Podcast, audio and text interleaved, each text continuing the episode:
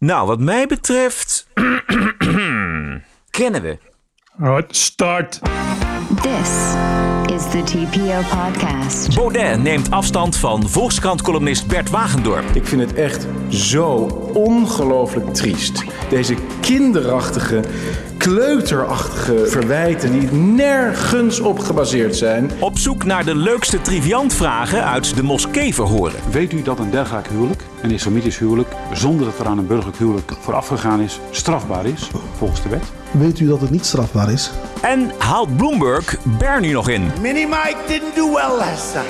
Aflevering 161. Ranting and Reason. Bert Bresson, Roderick Phalo. This is the award-winning TPO podcast. Het is eh, maandagavond 24 januari. Lucht al geklaard op de Canarische eilanden, Bert?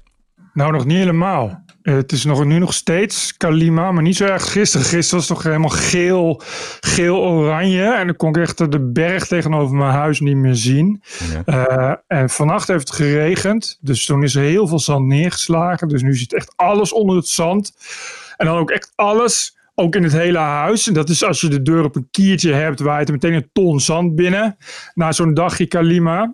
En mijn longen zitten ook onder het zand. Echt, Net als mijn neus. Maar het is wel uh, uh, nu iets opgeklaard. En volgens de verwachting moet het morgen beter worden. En ik zag net onderweg naar de supermarkt ook alweer vliegtuigen landen. Dus het luchtruim is ook alweer open.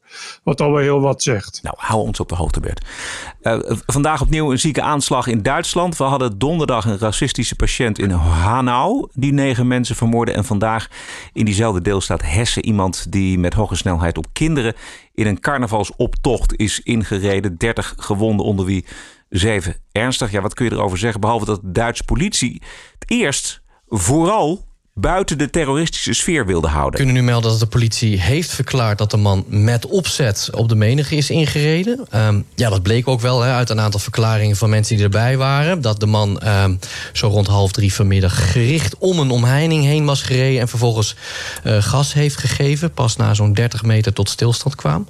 Uh, maar, zegt de politie, uh, het is weliswaar opzet, maar we hebben geen aanwijzingen dat het hier zou gaan om een soort politiek gemotiveerde nee. daad. Nee. Dus ja, wie deze man is en wat hem dan wel precies bezielde om dit te doen, dat weten we eigenlijk nog niet. Maar gebruikt de Duitse politie dan het woord aanslag? Of hoe noemen ze dit dan?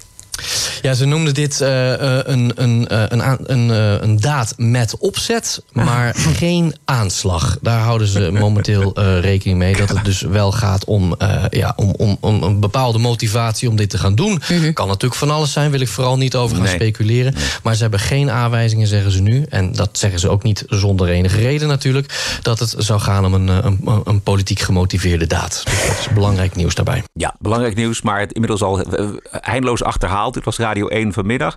Inmiddels uh, wordt wel degelijk rekening gehouden met een terreuraanslag. Alle carnavalsoptochten in de deelstaat Hessen zijn afgelast. Wat zal de Kick-Out Zwarte Piet organisatie jaloers zijn? Je zult zien dat die zijn ingereden op allemaal kinderen met Mexicaanse hoeden. Ja. Uh, Heb jij nog laatste nieuws, uh, Bert? Nou, laatste nieuws een beetje, maar daden zou de 29-jarige Maurice P. zijn. Uh, en omstanders leek erop dat de dader onder de druk zat. Straks sta ik in de krant, zou hij gezegd hebben. Dus het kan dus inderdaad iemand zijn die uh, uh, ja, letterlijk verward is. Maar dan inderdaad ook echt als, als dus inderdaad geen, geen motief. Ja. Gewoon een gek. Of, maar ja, dat hebben we toen gezien bij Karstatus. Ja. Op de aanslag op de koningin in, uh, in Apeldoorn. ja, dat was natuurlijk ook een, een soort aanslag. Maar de, het lijkt in elk geval, uh, want het was al wel vrij snel duidelijk dat werd gezegd: het is een Duitser en hij heet Maurice P. Ja. Dus het, dit is geen, uh, geen, uh, geen islamitische terreuraanslag, ja, moet ik. En zojuist is ook oud-filmproducent Harvey Weinstein veroordeeld wegens verkrachting en seksueel misbruik. En dit is Harvey Weinstein op weg naar zijn verdict. Do you regret your actions, Mr. Weinstein? Are you worried about the verdict, Mr. Weinstein? Ja, maar je kunt ook hele andere vragen stellen als je daar staat. Are you working on any movies? How are you feeling, Harvey? Good morning, Morning, Harvey. Morning, Harvey. You think you'll be a verdict today? Ja, hoe gaat het met je verjaardag? Hi, guys. Hi guys. Ja, met de rollator op naar de rechter. Gezellig. Ja, hele gezellig. Ja, ja, Weinstein kan dus 29 jaar cel krijgen. Uh, maximaal. Dat is behoorlijk pittig, uh, volgens dat is mij. wel lang. Ja? Dat is wel lang. Ja. Die zal dan wel, uh, net als, uh, de, net als uh, Epstein, zelfmoord plegen. Je hebt geen leven volgens mij in de gevangenis. Al helemaal niet nee. als seksueel, sex offender. Dat is Dat lijkt mij ook. Dit soort luis als die Weinstein en die Madoff, dat zijn mensen die natuurlijk uit, een, uit een luxe leven komen.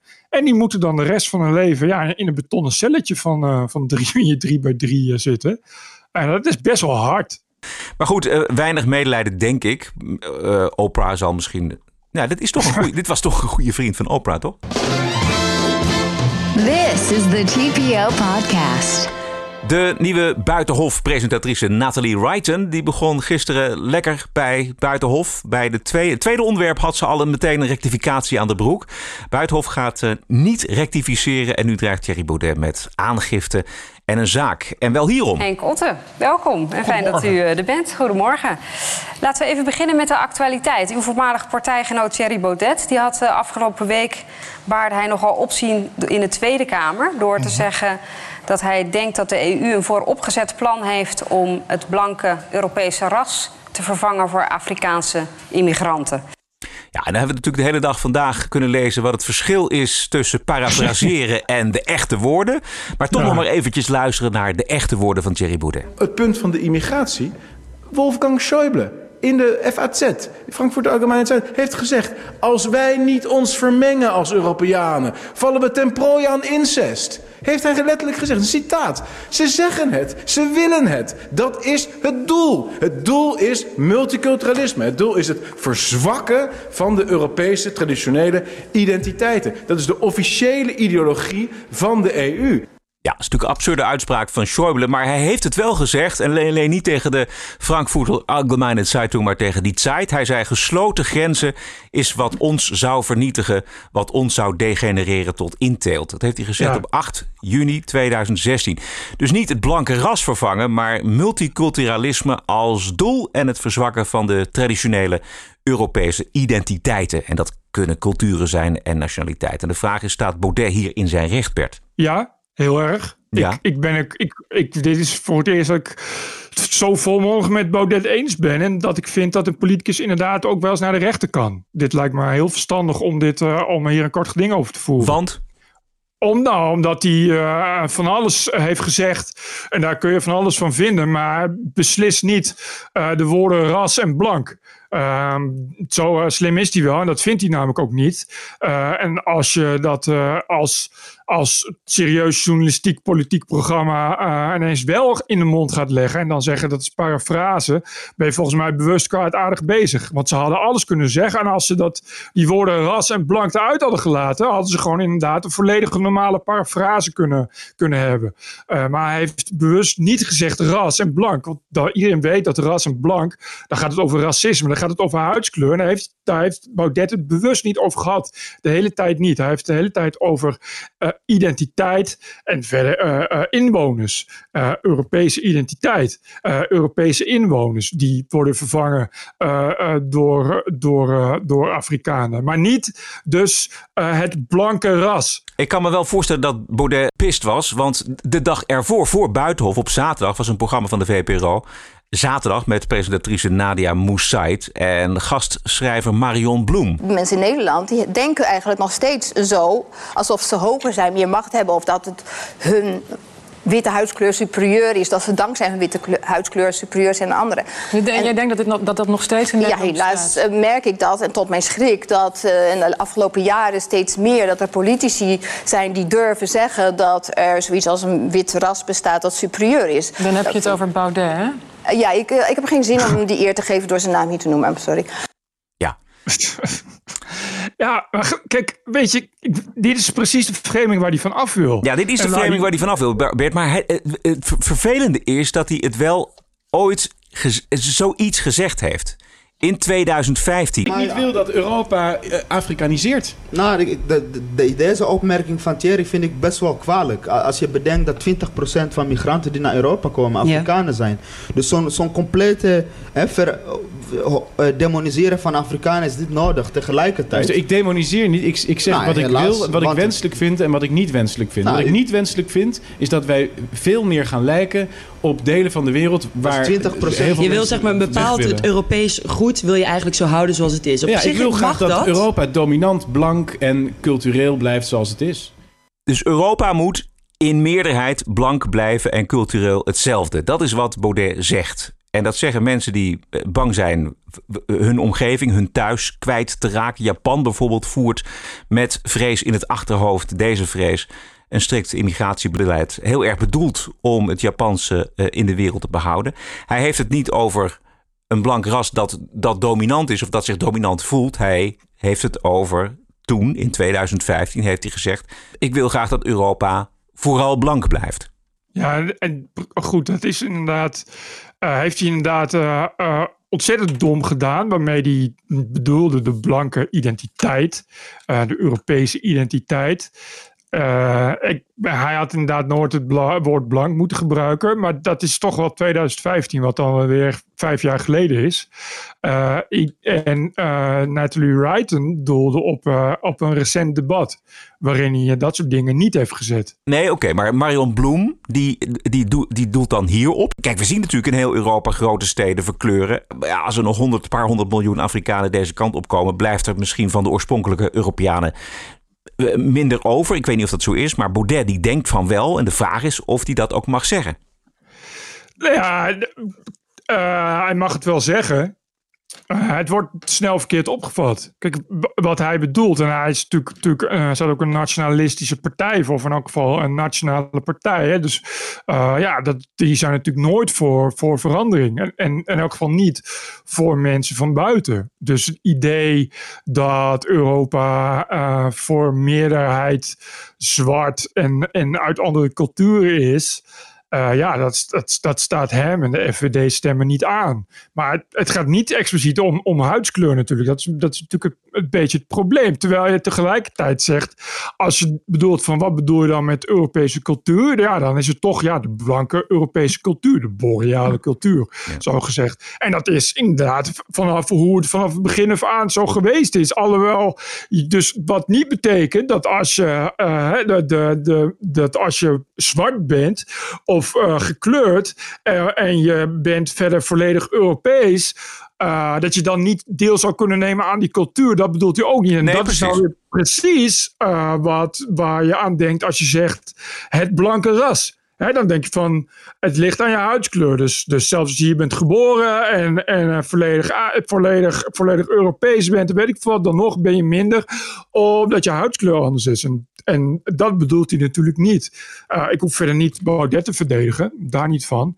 Uh, maar ik, kijk, hij heeft natuurlijk wel die scheve schaats gereden. Net als destijds met uh, de homeopathische verdunning. Ja. Daar heeft hij nog steeds last van. En hij probeert nu juist, en dat heeft hij ook in dat recente debat gedaan, waar, waar, waar Natalie Wrighton op doelt, probeert, hij dat, probeert hij dat duidelijker uit te leggen door te zeggen van nee, we, we, gaan, we hebben het over, bij ons is iedereen welkom en iedereen in, die meedoet aan Europa is welkom, ongeacht de huidskleur. En dat heeft hij ook duidelijk zo gezegd, omdat hij nog steeds, en dat vind ik natuurlijk flauw door D66 en GroenLinks en door, kennelijk door de NPO en Buitenhof uh, zo wordt geframed alsof het een soort neonazi is, een soort nazi. Die, die zich de hele tijd bezighoudt met ras en huidskleur. En dat doet hij niet. Hij wil zich bezighouden met identiteit. Als je zegt, ik wil parafraseren, het hele debat, dus inclusief Jette en Ascher, ja, dan kun je iemand alles in zijn mond leggen. En, dat Precies. is, en, dat, en juist dit soort gevoelige zaken, ja, moet je echt heel erg mee uitkijken. Kijk, ik begrijp gewoon niet dat ze niet willen rectificeren. Want ik bedoel, uh, uh, het is, is een, is een, een uh, nuance, maar een belangrijke nuance die erin zit. En, en, en want als ze dat, die woorden blank en ras niet hadden gebruikt, hadden ze prima kunnen gebruiken als parafrase. Weet je, dat is dus ongeveer wat hij zegt. Zonder, zonder die wel heel erg beschuldigende dingen. Waarvan Baudet bovendien zelf nog in dat debat, als reactie op Jette, uh, daarover heeft gezegd van ik wil het uit de wereld helpen. Ja. Ik zeg dit niet. Ik heb dit niet gezegd. Ik wil ook niet zo worden geframed. Dus dan moet je dat niet alsnog als journalistiek programma nog, nog doen. Ja. Wij zeggen elke keer, en keer op keer opnieuw en ik ook, dat niemand op grond van welke afkomst dan ook, op welke afstamming dan ook, uh, op een of andere manier minder of buitengesloten zou kunnen worden vanuit Nederland, vanuit Europa. Dat wij staan voor de gelijke rechten van iedereen, de gelijke kansen van iedereen, ongeacht je afkomst, ongeacht je kleur, je religie, wat dan ook maar. Ik kan het niet vaak genoeg zeggen. Ik vind het echt zo ongelooflijk triest dat blijkbaar het enige wat als argument of quasi-argument of verwijt kan worden ingebracht, deze kinderachtige kleuterachtige verwijten zijn die nergens op gebaseerd zijn. En dat laat niets aan duidelijkheid te wensen over. Dus daar had uh, Buitenhof best rekening mee kunnen houden. Ja. Op het moment dat ze de, dat ze de parafrase bedachten. Ja, blijkbaar, uh, blijkbaar is het voor Buitenhof dus ook iets heel belangrijks uh, om dit vast ja. te houden. Ja. En dat, dat, is voor een journalistieke organisatie eigenlijk heel raar. Je kunt toch zeggen van nou, eh, bovendien was het de eerste keer. Ze deed het trouwens erg goed, vond ik, deze nieuwe presentatrice Volkskrant eh, verslaggever. Maar het kan van haar ook een, een, ja, een parafrase zijn waarvan je zegt, nou ja, dat is eigenlijk niet correct. En dat vond ik, zou ik journalistiek sterk vinden van deze rubriek, om te zeggen, oké, okay, dat hebben we dan, dat, dat is Precies. net een stap te ver. We, haal, we halen het terug. En dat bedoel ik, weet je. Je kan toch, het is helemaal niet, niet per se ondenkbaar dat zoiets ontstaat. Maar dat je dat zeker door de reactie van Baudet erop, daar nog eens wat zelfreflectie hebt om terugkijken. En dat je zegt van ja, ik, nu, nu ik het nog, nog drie keer hoor en mezelf zie zeggen, denk ik, hij heeft, is misschien, was misschien net een tandje te veel. Net te veel, weet je, en dat kun je toch, dan kun je toch zeggen, ja, nou, sorry. En ik begrijp dat gewoon niet, dat ze dicht zo daar vasthouden.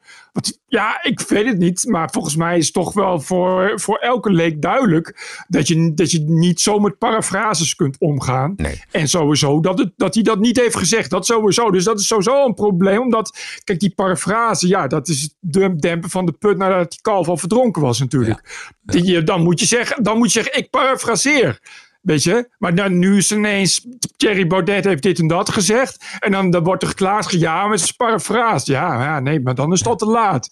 Weet je, nu denkt iedereen al dat hij dat zo heeft gezegd. Dus dan kun je nu, nu nog ineens met die uitvlucht komen van het was een parafrase. Dat is al te makkelijk. En ik begrijp gewoon niet waarom uh, dat Buitenhof en die VPRO of welke ja, programma's samen, daar, daar nu zo hardhoofdig in doen. Weet je, hoe, het, het, zo'n probleem is dat toch ook niet? Nee. Omdat het zegt van ja, hij heeft, dit was inderdaad, dit hadden we zo achteraf gezien, hadden we dit zo niet moeten doen. Of je dan moet rectificeren, daar kom je dan misschien nog wel samen uit. Weet je, dan kun je misschien dan kun je zeggen, nou, kom volgende week in ons programma. Weet je, en dan, dan bij wijze van rectificatie, of, of noem een van de honderd ideeën die daar nog aan kan hangen. Ik begrijp die krampachtige, ja, arrogante. Ik weet je, het is, het is toch weer een beetje, goh, ik vind het heel erg NPO weer. Maar ik ben benieuwd hoe dit gaat aflopen. Want um, als uh, er een zaak van maakt, wat hij dus doet, ja, wat, wat krijgt hij te horen? Het lijkt mij dat hij best sterk staat. Maar gaat hij dan ook nog naar de Raad voor de Journalistiek voor een uitspraak? Ik bedoel, ik begrijp dat het een. Voor hem is het een principezaak. Ja, nou ja, kijk, hij, die, hij hoopt natuurlijk dat die rechter zegt van ja, jullie, je, Buitenhof moet rectificeren. Ja. Op deze manier heb je hem gewoon te veel uh, uh, geschaad in zijn goede eer en naam, zoals het dan Ja. heet. Weet je, het is Ja. gewoon lastig. Op deze manier is het lastig. En ik, en ja, nou ja, dat is iets wat, eh, b- waar ook, eh, weet je, dat gebeurt, dat gebeurt ook bij meerdere media. Daar zal Buitenhof niet kapot aan gaan. Maar ik snap niet dat je dat aan zo'n rechtszaak laat aankomen. Want ik denk altijd van het is veel sterker om daar dan zelf voor uit te komen dan, eh, weet je, om, dan, dan het dan zo, zo te laten oplopen. Omdat je dan ook, ze zeggen dan ook meteen bij van ja, nu, bij ons, eh, wij de, de journalistieke zorgvuldigheid hebben hoog in het Ja. vaandel staan. En denk ja, is het dan zo moeilijk om, om dan te zeggen ja, sorry, weet je, het, is inderdaad, inderdaad, ja, weet je, is inderdaad, misschien hadden we dat net iets zwaar aangezet. Kijk, als je, als je moet wegkomen, denkt weg te komen met het begrip parafraseren. Hè, dat je Ja. iemand eigenlijk gewoon hem totaal verkeerd en eh, schadelijk geciteerd hebt. Maar, maar je verzint, je pakt er het woord parafraseren bij. Dan sta je gewoon niet sterk. Ik denk dat eh, Baudet een goede zaak heeft. En ik ben benieuwd hoe dit afloopt. TPO Podcast.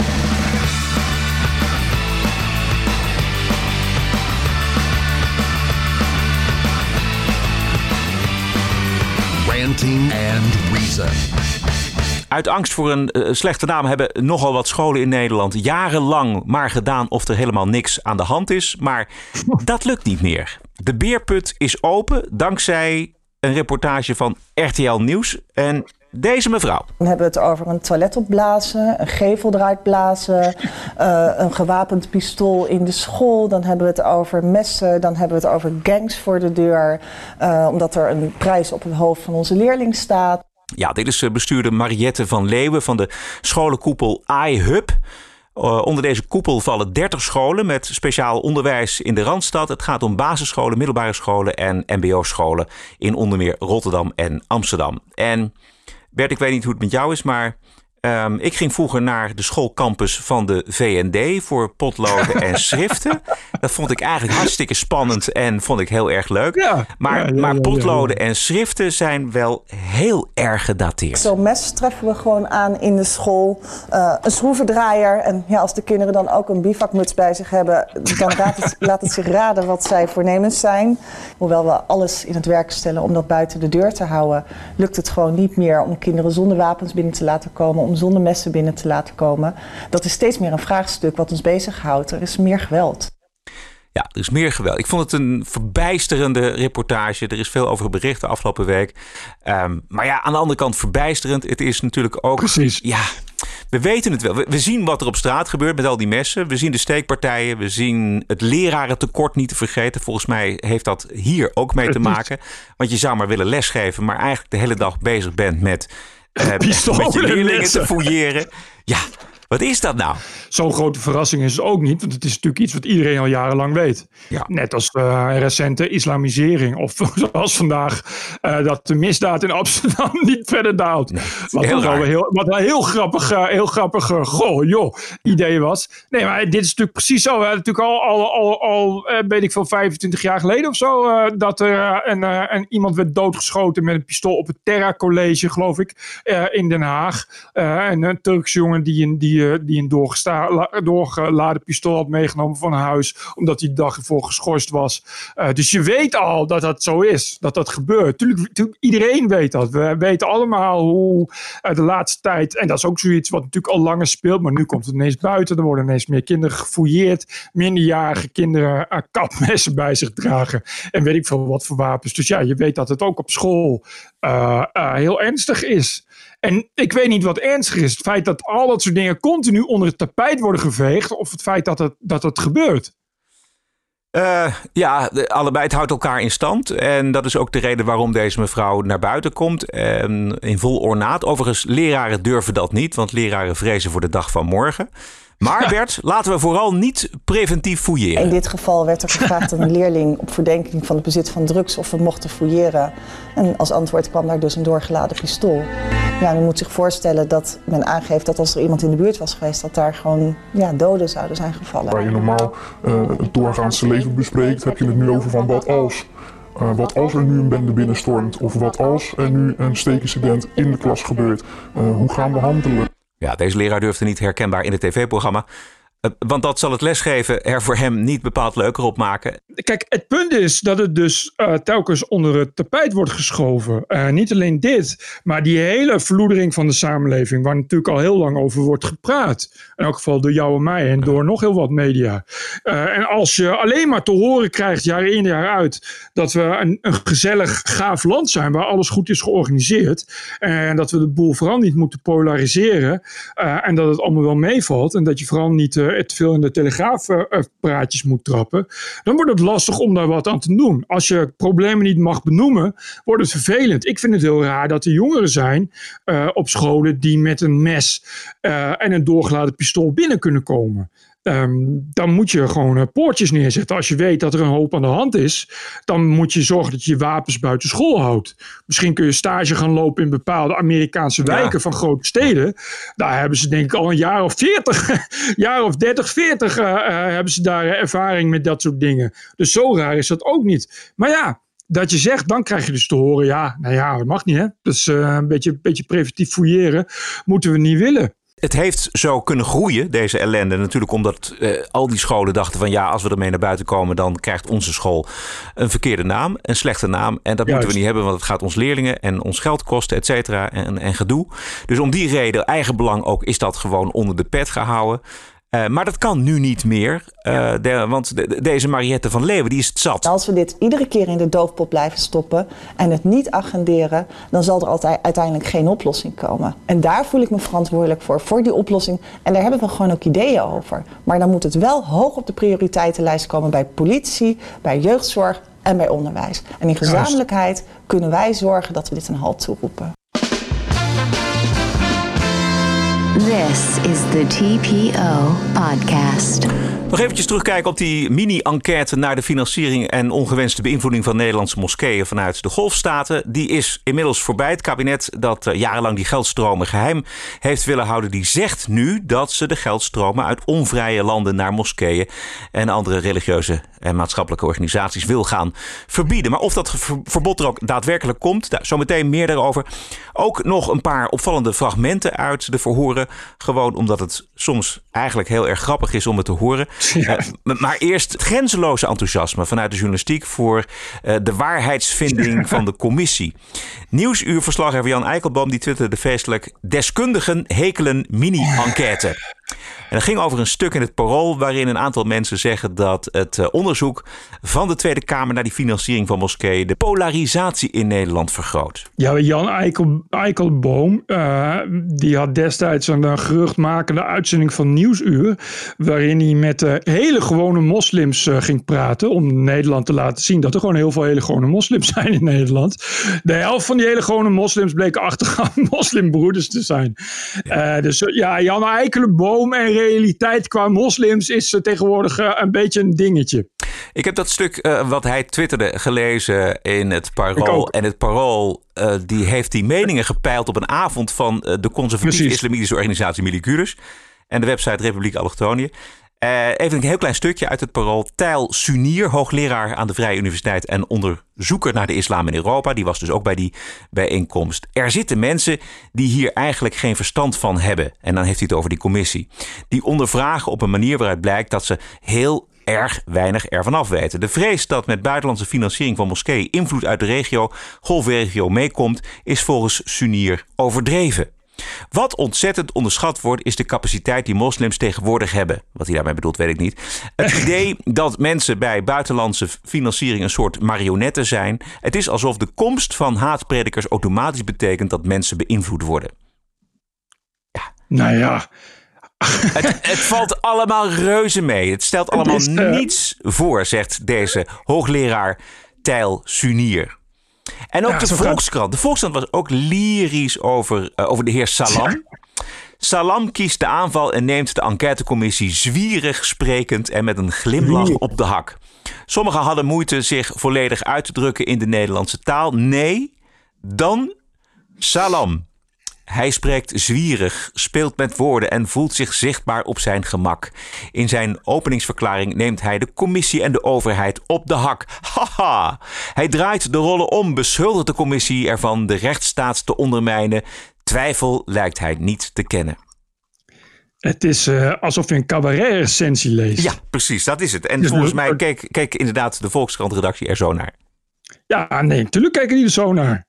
dat is, ja, we, toen uh, in, uh, in uh, Iran die generaal werd omgelegd door Trump, kregen we precies hetzelfde. Over wat voor een fantastische, fantastische verbinder het was. Ja, en wat voor geweldige, geweldige daden die allemaal had gedaan. Ja, hier precies zo. Weet je, ja, dit is, dit is, terwijl, weet je, je zou ook kunnen afvragen, het is een, een serieus democratisch proces, een onderzoekscommissie. Ja. Uh, en het is nogal wat om uh, ten eerste uh, te zeggen dat dus ook zo'n onderzoekscommissie polariseert. Dus dat we dat eigenlijk ook maar niet moeten willen met z'n allen.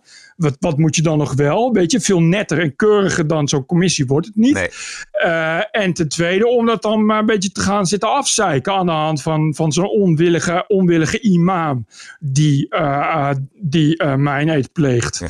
Wat ik zo ongelooflijk van journalisten vind, is dat ze dus die waarheidsvinding, waar een poging toe wordt gedaan, het zal vast niet perfect zijn geweest, maar ze willen iets naar boven halen wat jarenlang, ook door het Nederlandse kabinet, door de regering Rutte, eh, onder het tapijt is gehouden. Vanuit ja. allerlei andere financiële belangen, handelsbelangen, et cetera. Dus er is nu eindelijk een commissie die is, die is bezig om de waarheid boven tafel te krijgen. Iets wat journalisten zou moeten aanspreken. Nee, dat vinden ze dan niet goed. Of dat vinden ja, ze onevenwichtig, et cetera. Dat vind ik een onbegrijpelijke houding van journalisten, van een krant, van het Parool, van de Volkskrant.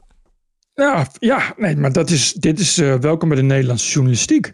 Het probleem is dat eh, eh, de, ehm, de kern van de Nederlandse journalistiek, en van- denk van internationale journalistiek, is altijd het een stem geven aan de minderheid, aan zij die niet gehoord worden. Ja, dat is een heel nobel doel, maar het probleem is eh, dat je vastloopt als je denkt dat er maar één vorm van minderheid is. Dan krijg je tunnelvisie. En dat is precies wat er de hele tijd gebeurt. En Dus dat, je denkt, en dat je denkt dat een minderheid vrij van zonden is. Exact. Ja. Dan, krijg je, dan krijg je dus dat, dat, dat feiten er veel minder toe gaan doen. Eh, en emoties veel meer. En dan verschuift dat. En dan verschuift ook, ook je waarheidsvinding. En dan, dan, ja, dan loop je het risico dat je gaat parafraseren, om maar wat te noemen. Laten we even luisteren naar wat zwierige woorden van eh, de heer Salam van de Alfitra Moskee in Utrecht. Ik heb onder andere gezien op uw website dat er een eh, raad van toezicht is. Klopt dat? Boven uw stichting. Er is een eh, raad wat soms om adviezen wordt gevraagd. Ja, klopt. Volgens uw eigen website maakt van die raad van toezicht onder andere u zelf deel uit. Klopt dat? Eh, indien nodig is, ja. Maar ik ben, ik ben slechts een persoon die eigenlijk duidelijk maakt, oftewel een, een, een, een brug slaat tussen de Raad van Toezicht en de stichting.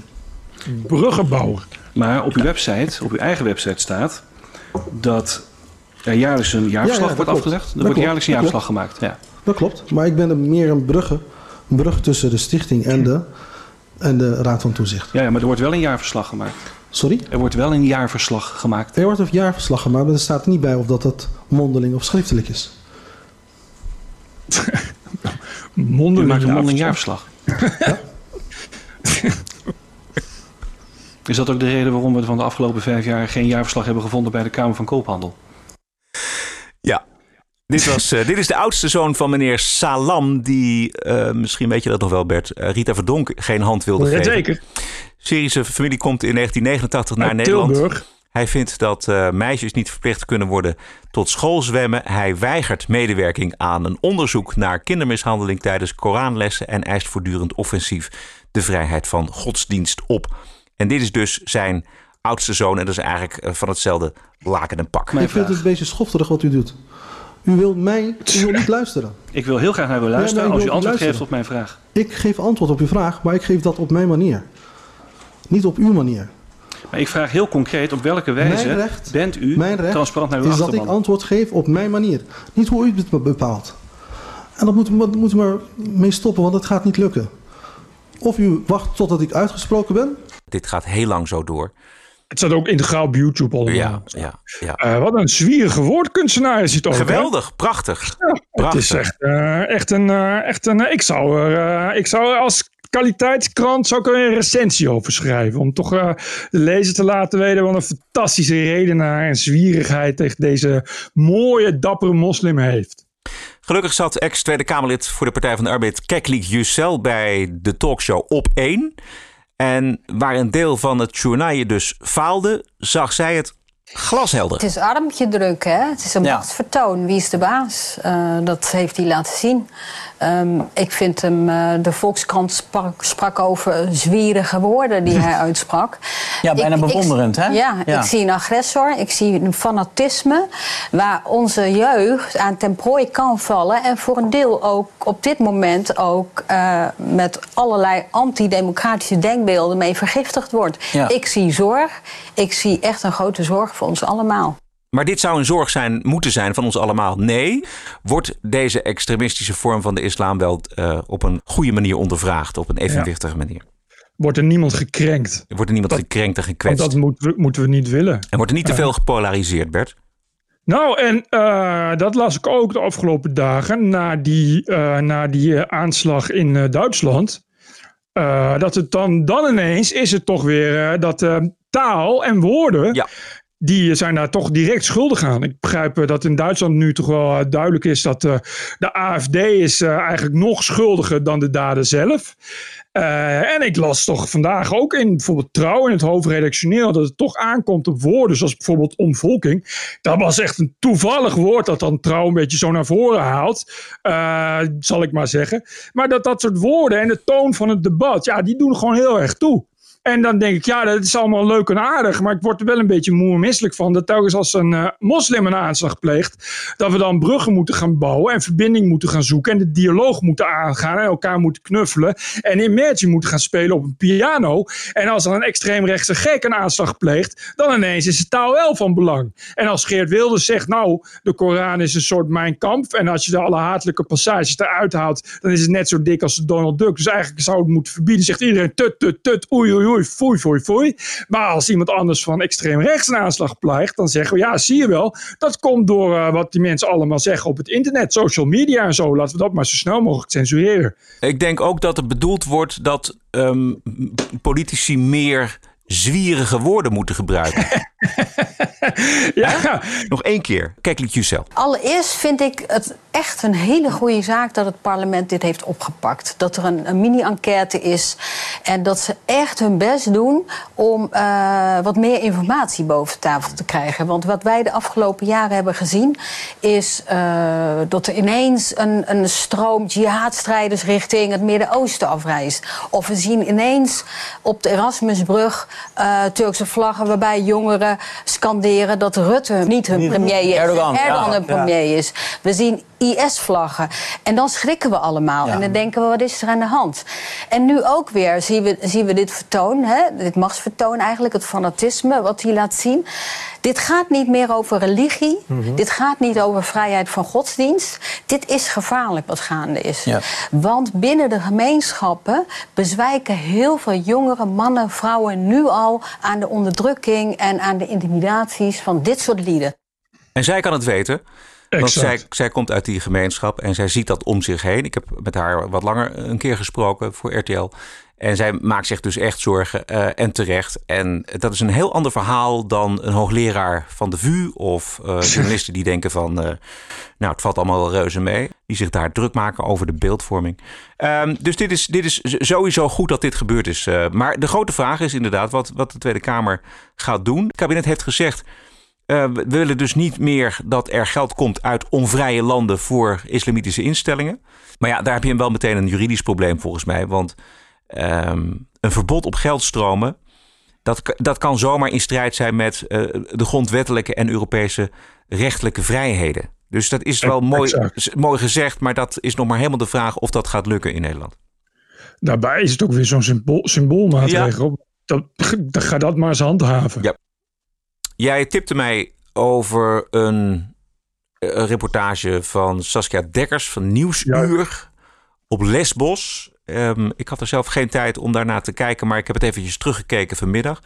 Onvoorstelbaar onhoudbare situatie op de Griekse eilanden. Indringende reportage dus van, uh, van, van Nieuwsuur. Heel klein stukje. Met zoveel mensen hier bovenop elkaar stijgt ook de spanning. Volgens artsen zijn er elke dag steekpartijen, vooral door Afghaanse bendes. 20.000 mensen leven hier bovenop elkaar. Het kookpunt is bijna bereikt. Die avond is er een bijeenkomst in het dorp. Mensen zijn woest, zoals de boer wiens 45 kostbare olijfbomen zijn vernield voor brandhout. Bert, wat dacht jij toen je het zag? Uh, ik dacht uh, ten eerste, uh, wat een uh, succes toch weer van die humane EU. Dat ze al die mensen daar zo netjes laten verrotten. Alsof het ze helemaal niets kan schelen, omdat het ze helemaal niets kan schelen. En in de tweede plaats dat het inderdaad een bom is die gaat barsten. En dat las ik ook in het Volkskrant artikel wat jij me vandaag doorstuurde. Ja. Uh, dat was niet Lesbos, geloof ik, of wel? En, het was een paar, paar eilanden. Lesbos, je hebt een paar, eilanden, ja, een paar eilanden die daar vlak aan die, aan die kust van, met Turkije zitten. Ik, ik ben veel op Lesbos geweest. Daar kon je gewoon kijken naar Turkije. Er was een afstand van niks. Ik heb nog eventjes gezocht uh, en kwam daar iemand tegen. Um, een van de architecten van uh, die Turkije-deel. Dat is Gerhard Knaus. Dat is een Oostenrijker. En vorig jaar zomer had Buitenhof een interview met hem. Even een klein stukje daaruit over de effectiviteit van die Turkije-deal. Well, it's very clear that what we are seeing is a failure. It's also very clear what the reason for this is.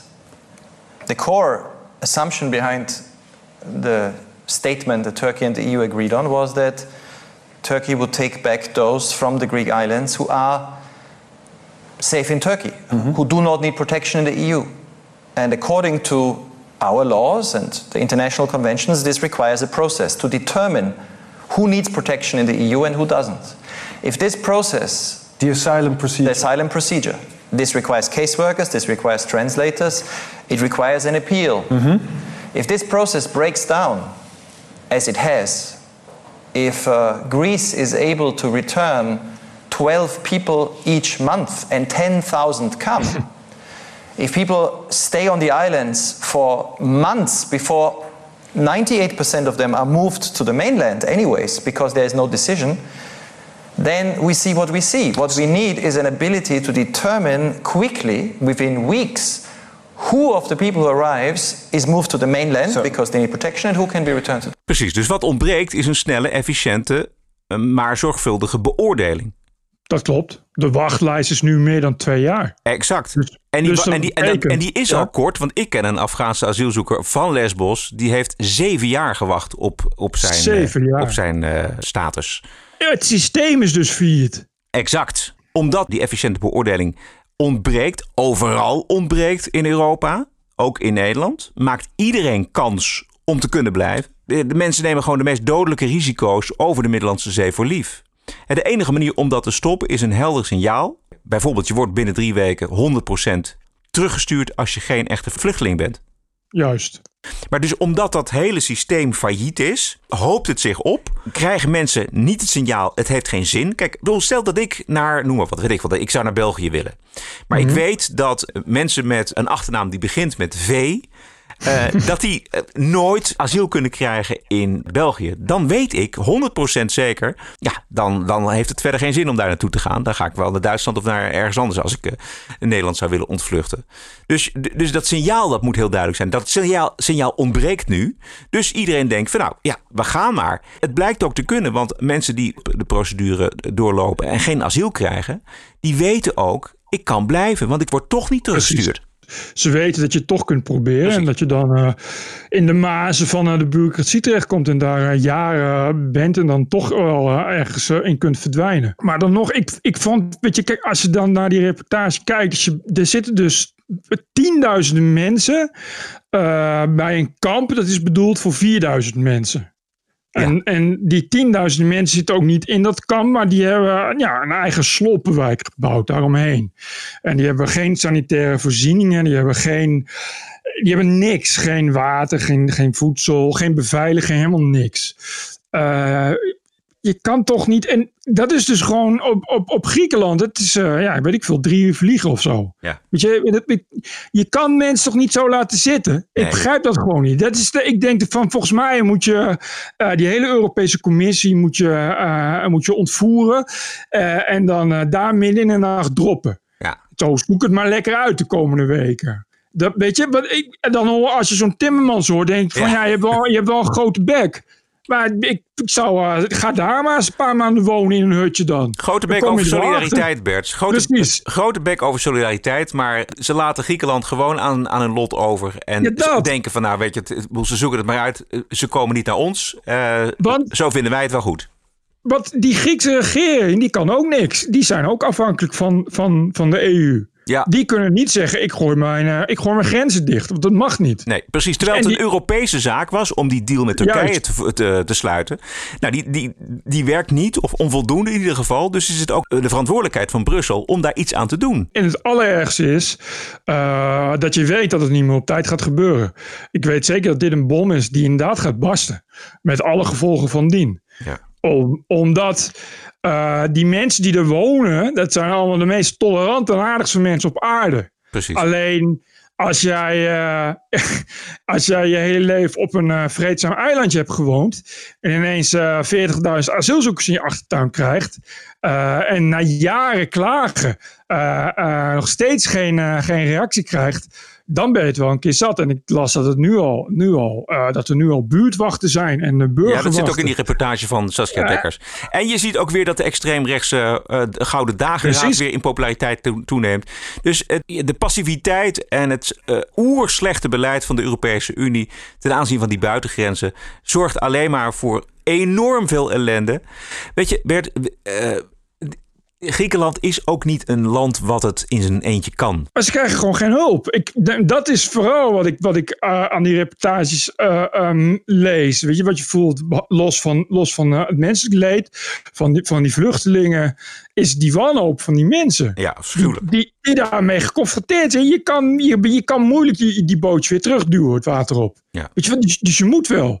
En elke keer zeggen die mensen, EU, doe wat. Je kom, me helpen. En ja, ik kan me echt, ik kan me er geen voorstelling van maken wat een nachtmerrie dat moet zijn als je daar woont. Dat je daar je hele leven hebt gewoond en dat allemaal ziet gebeuren. En je dus niks kan doen. Het is zo in het belang van de Europese Unie, van ons, van Brussel, dat dit goed wordt opgelost. En ik zou zeggen, eh, eh, aan de slag ermee. Ehm, Maar ik, ik snap ook niet... toch, weet je, ik- dan kun je toch niet als een timmermans met je, met je handen over je elkaar blijven zitten? Dat bedoel ik. Ik snap gewoon niet. Weet je, het is, als er ergens anders eh, nood is, dan lukt het altijd om binnen no time van alles voor elkaar te krijgen. Desnoods zetten we BN'ers in en heel veel geld. En hier, dit speelt al jaren, is onderbelicht. Weet je, dan ben je, dan ben je dus inderdaad een keer blij dat Saskia Dekker, die altijd goede reportages heeft, iemand die van feiten houdt kennelijk, die zijn er ook nog binnen de journalistiek, daar een keer aandacht aan besteedt. Dat is toch raar? Ik vind dat heel raar. Ik vind het echt heel raar eh, eh, dat als er eh, in Afrika een humanitaire ramp is, dat dan Europese landen binnen no time via Giro 555, ik weet niet wat, aan hulp bij elkaar krijgen. Dat die mensen worden eh, geholpen. Maar dat in het eigen Griekenland, waar je zo'n beetje naartoe kunt fietsen qua afstand, eh, waar mensen naar op vakantie gaan, dat daar eh, meer dan 20.000 mensen zitten in de meest verschrikkelijke omstandigheden. Je kan toch slaapzakken uitdelen en, en tentjes en prefab huizen, huizen bouwen. We- weet je wel, en weet ik veel wat. En, en toiletten installeren. Hoe moeilijk kan dat zijn? Ja. Ja. Ik stel, het gaat ook niet om, om miljoenen mensen, het gaat om tienduizenden mensen. Dat is een, ja, je kan het eh, eh, eh, Lowlands Festival heeft 60.000 mensen. Dat gaat allemaal moeiteloos. Kan iedereen pissen en is er, eh, is er voldoende, voldoende sanitair en zo? Dat moet toch mogelijk zijn dan? TPO Podcast. Ja, het is, het- je, durft het bijna niet te vragen om te gaan doneren eh, na deze, dit onderwerp. Misschien moet je maar doneren gedeelte aan hulporganisatie die zich inzet voor, de, voor deze vluchtelingen. Je bent nooit verplicht om te doneren, maar we geven eventjes duidelijk de mogelijkheden aan dat er eh, gedoneerd kan worden. En er zijn altijd mensen die schrijven eh, wat ze van de afgelopen uitzending vinden. Dat vinden we ook leuk om dat even voor te lezen. En er zijn nog een paar plaatsen over voor deelnemers aan de TPO Pub Quiz van vrijdag 13 maart aanstaande. En wat je moet doen is, eh, als je daarbij wilt zijn, ehm, het aantal personen mailen en het team, de teamnaam mailen naar tpopubquiz.gmail.com en quiz schrijf je Q-U-I-Z. Je krijgt dan retour een link waar je 25 euro per persoon kan overmaken. Dat is geld voor de TPO podcast. En als je de betaling binnen is, dan krijg je een mail met alle informatie en de locatie, et cetera. Ja, en eh Annabel Nanninga komt ook. Oh, mag dat nu gezegd worden? Ja, ja. Oké, nou, en ik, kom ook. Oh, wou net zeggen, misschien kunnen we dan ook wel zeggen wie, wie, eh, wie er ook komt. Ja. ja. Nou, dat is Roderick Velo. Roderick Velo komt ook. Dat zijn er alvast twee. En er is misschien nog een derde mystery guest, of niet? Eh, ja, die heb ik nog niet gevraagd of ik dat eh, dus... Oké, nou, het wordt vooral een gezellige avond. Het wordt gewoon eh, het wordt leuk. We, we drinken een biertje. We- er worden hele leuke vragen bedacht. Met leuke fragmenten, ook uit de TPO-podcast. En we hebben het eigenlijk georganiseerd. Ja, wij niet. Het zijn een aantal luisteraars die dat hebben georganiseerd. Omdat ze het leuk vinden om geld in te zamelen. Donaties in te zamelen voor de TPO-podcast. Deze podcast is vrij. Je hoeft dus niet per se te doneren. Maar als je denkt van nou, weet je wat, ik eh, haal er toch een bepaalde waarde voor mij uit. Ik vind het leuk. Ik verheug me eigenlijk iedere week. Ik heb er wat aan. Nou, probeer daar dan een bedrag aan te geven. En dat bedrag kun je overmaken via de website tpo.nl slash podcast. En er zijn altijd mensen die leuk eh, mailen met kritiek en met eh, complimenten. Ja, zoals Jan Benning. Jan Benning is vriend van de show. Eh, Jan Benning, die ken ik al eh, van heel lang geleden eh, van Geen Stijl. Dus die spreek ik ook nog, heb ik al wel eens gesproken. Die was daar gewoon actief reaguurder. Hij heeft er volgens mij ook ooit in het bestuur van Pownet gezeten. En was een bekende twitteraar. hij is geloof ik weer aan Twitter. Hij was dan ook van tijd gestopt. Jan Benning zegt uh, Druzja. Want Jan Benning die studeert Russisch voor de lol. Dus zegt Druzja, ik weet niet wat het betekent.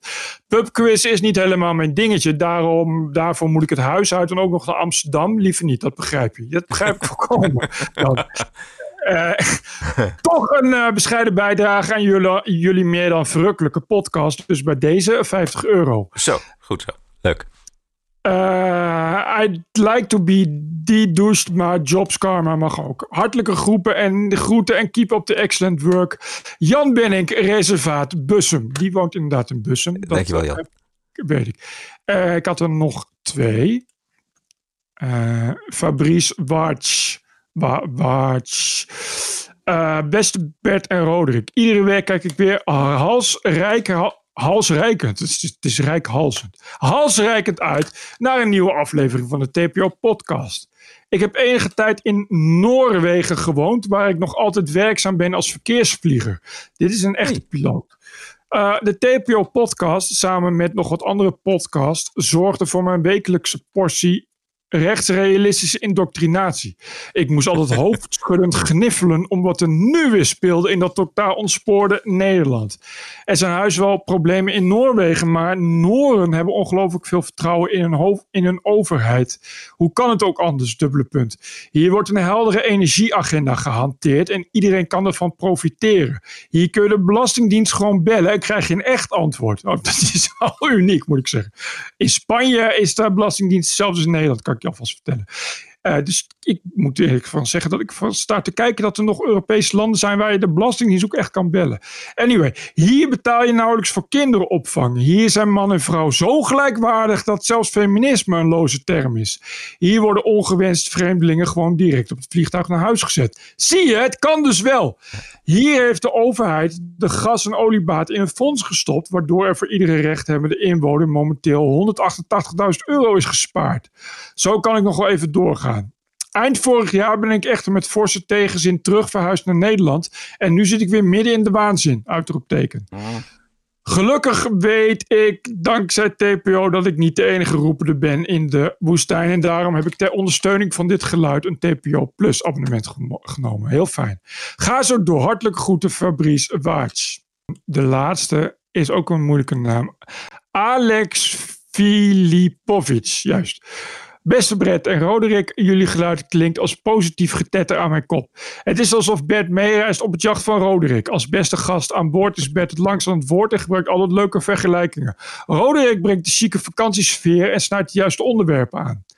Mijn roots liggen op de Balkan, maar ik ben in Nederland geboren en getogen. PS, willen jullie alsjeblieft mijn naam noemen in de podcast? Ik ben lid en doneer af en toe. Dat is heel goed. Bedankt Alex.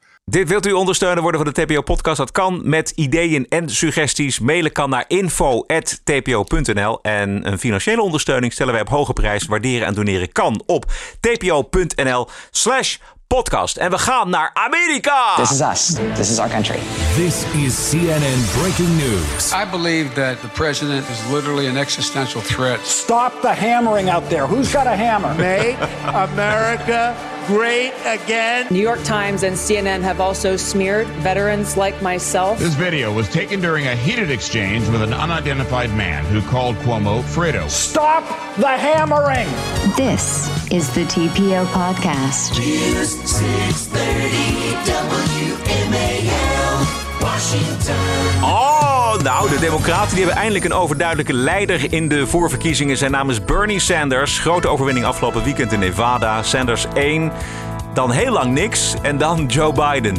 Uh, dit is een nachtmerrie voor de strategen van de Democraten. Luister naar stratege James Carville. Whatever you do, if you want to vote for Bernie Sanders because you feel good about his program, uh, because you, you don't like the, the, the banks on Wall Street or you don't like pharmaceuticals, that's completely legitimate. I understand that. If you're voting for him because you think he'll win the election because he'll galvanize heretofore uh, sleepy parts of the electorate, then politically you're a fool. And that's just a fact. It, it, it, it's no denying it. There's so much.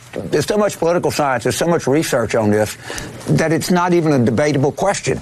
Ja, en toch, Bert, hebben we het ook gezegd over Trump. we dachten ook uh, allemaal van uh, dat gaat hem niet exact. worden. Uh, het zou zomaar een ver de verrassing kunnen worden van deze verkiezingen, Bernie Sanders. Wat denk jij? Het, het, is nu al de verrassing van deze verkiezing. Ja, maar dat hij, ook, dat hij ook nog het van, van Trump zou kunnen winnen. Uh, ja, ik, ik geloof er nog steeds niet in. Maar ja, wat je zegt net, dat, dat zeiden van Trump ook. Uh, ik denk dat veel kiezers uh, op het laatste moment daar toch op afhaken. Of dat er gewoon niet genoeg kiezers zijn. En dat ze gewoon niet op een socialist willen stemmen. Dus dat, dat zou kunnen. Maar het is wel een, een anti-establishment keuze ook weer ja. opnieuw. Hè? Naast ja. Trump deze Bernie exact. Sanders. Exact. Dus ik, ik denk wel dat hij dat die de democratische nominatie gaat winnen. Ja. Ja, denk jij? Ja, dat zou, dat zou goed. Het eh, hangt allemaal van Super Tuesday af. Volgende week dinsdag, 3 maart. Um, Biden, Joe Biden, die is het momentum helemaal kwijt. Hè? Afgelopen weekend zat hij bij Face the Nation op de Amerikaanse televisie. En nou, dit was zijn verdediging, luister. Bernie Sanders, can you stop him? I told you I'm not going to play this game with you. I don't know. it's not about who I stop, it's why I'm running. why I'm telling the people that I should be the next president, why I'm the best guy to beat Trump. All those other polls you all cite also so I'm the most person I'm the person most likely to beat Trump.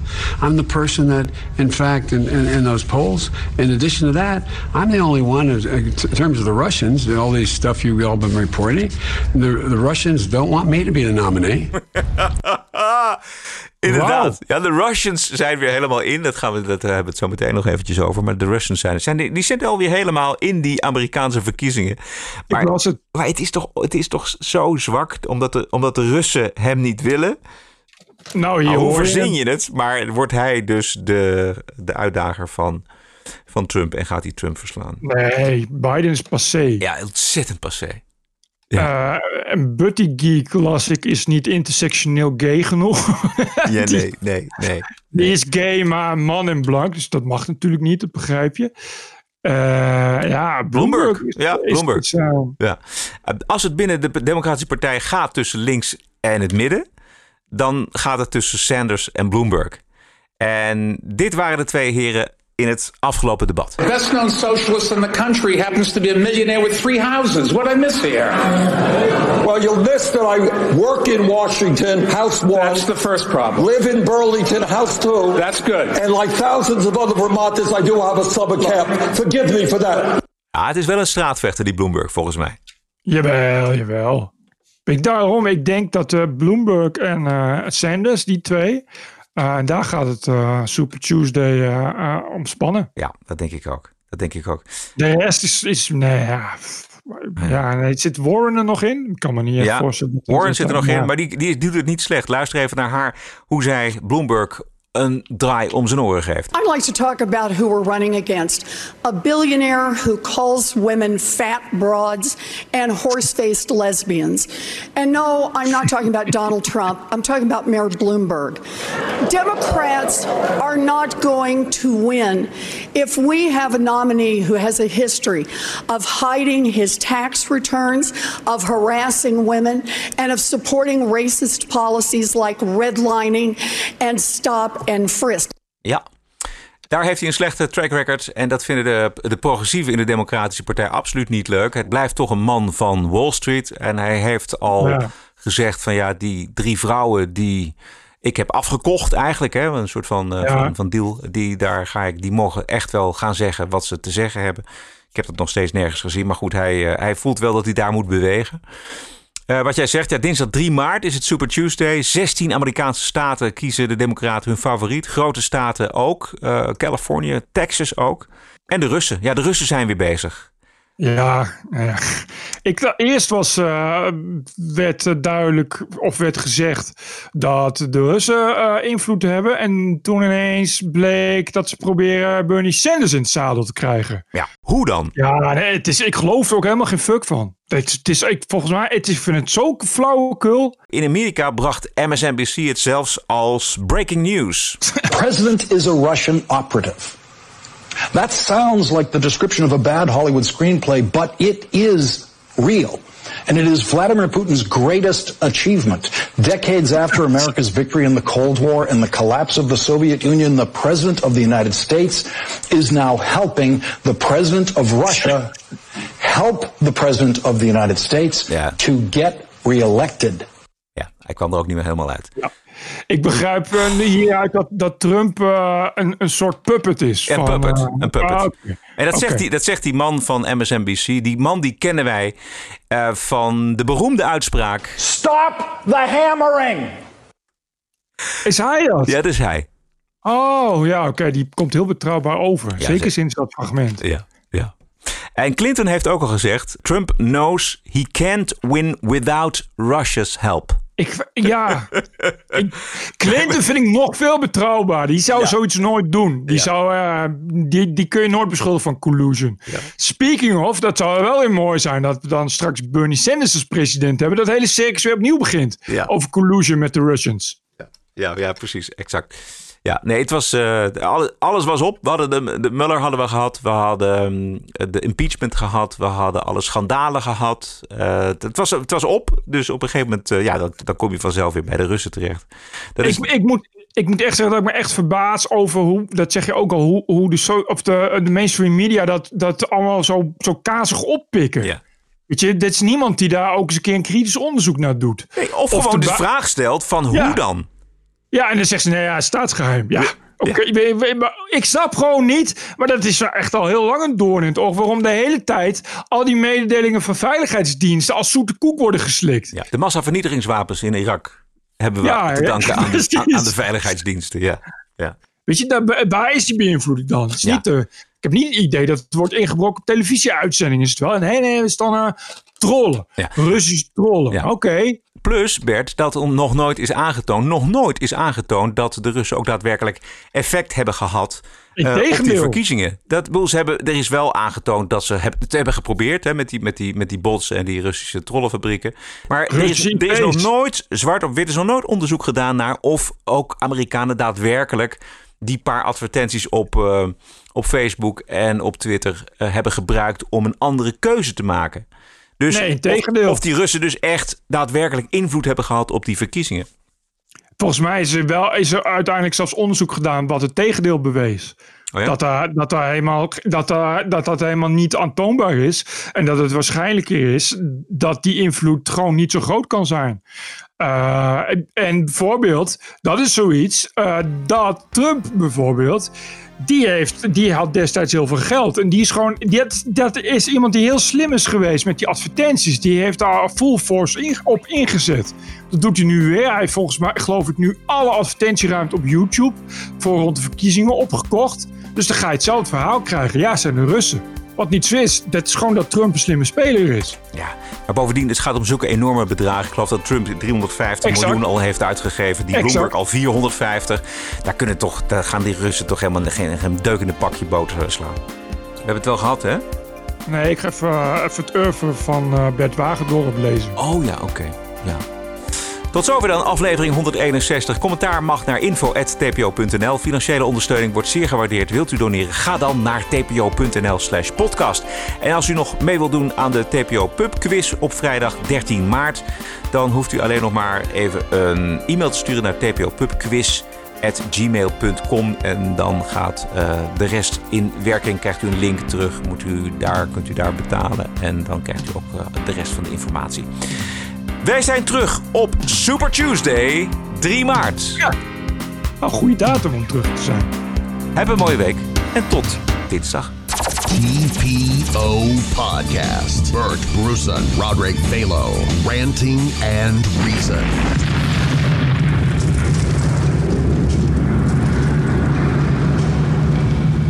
Je hebt dezelfde voornaam als Bert Wagendorp. Ja, dat klopt. Klopt, wij zijn uh, voornaambroeders. Hoe voelt dat?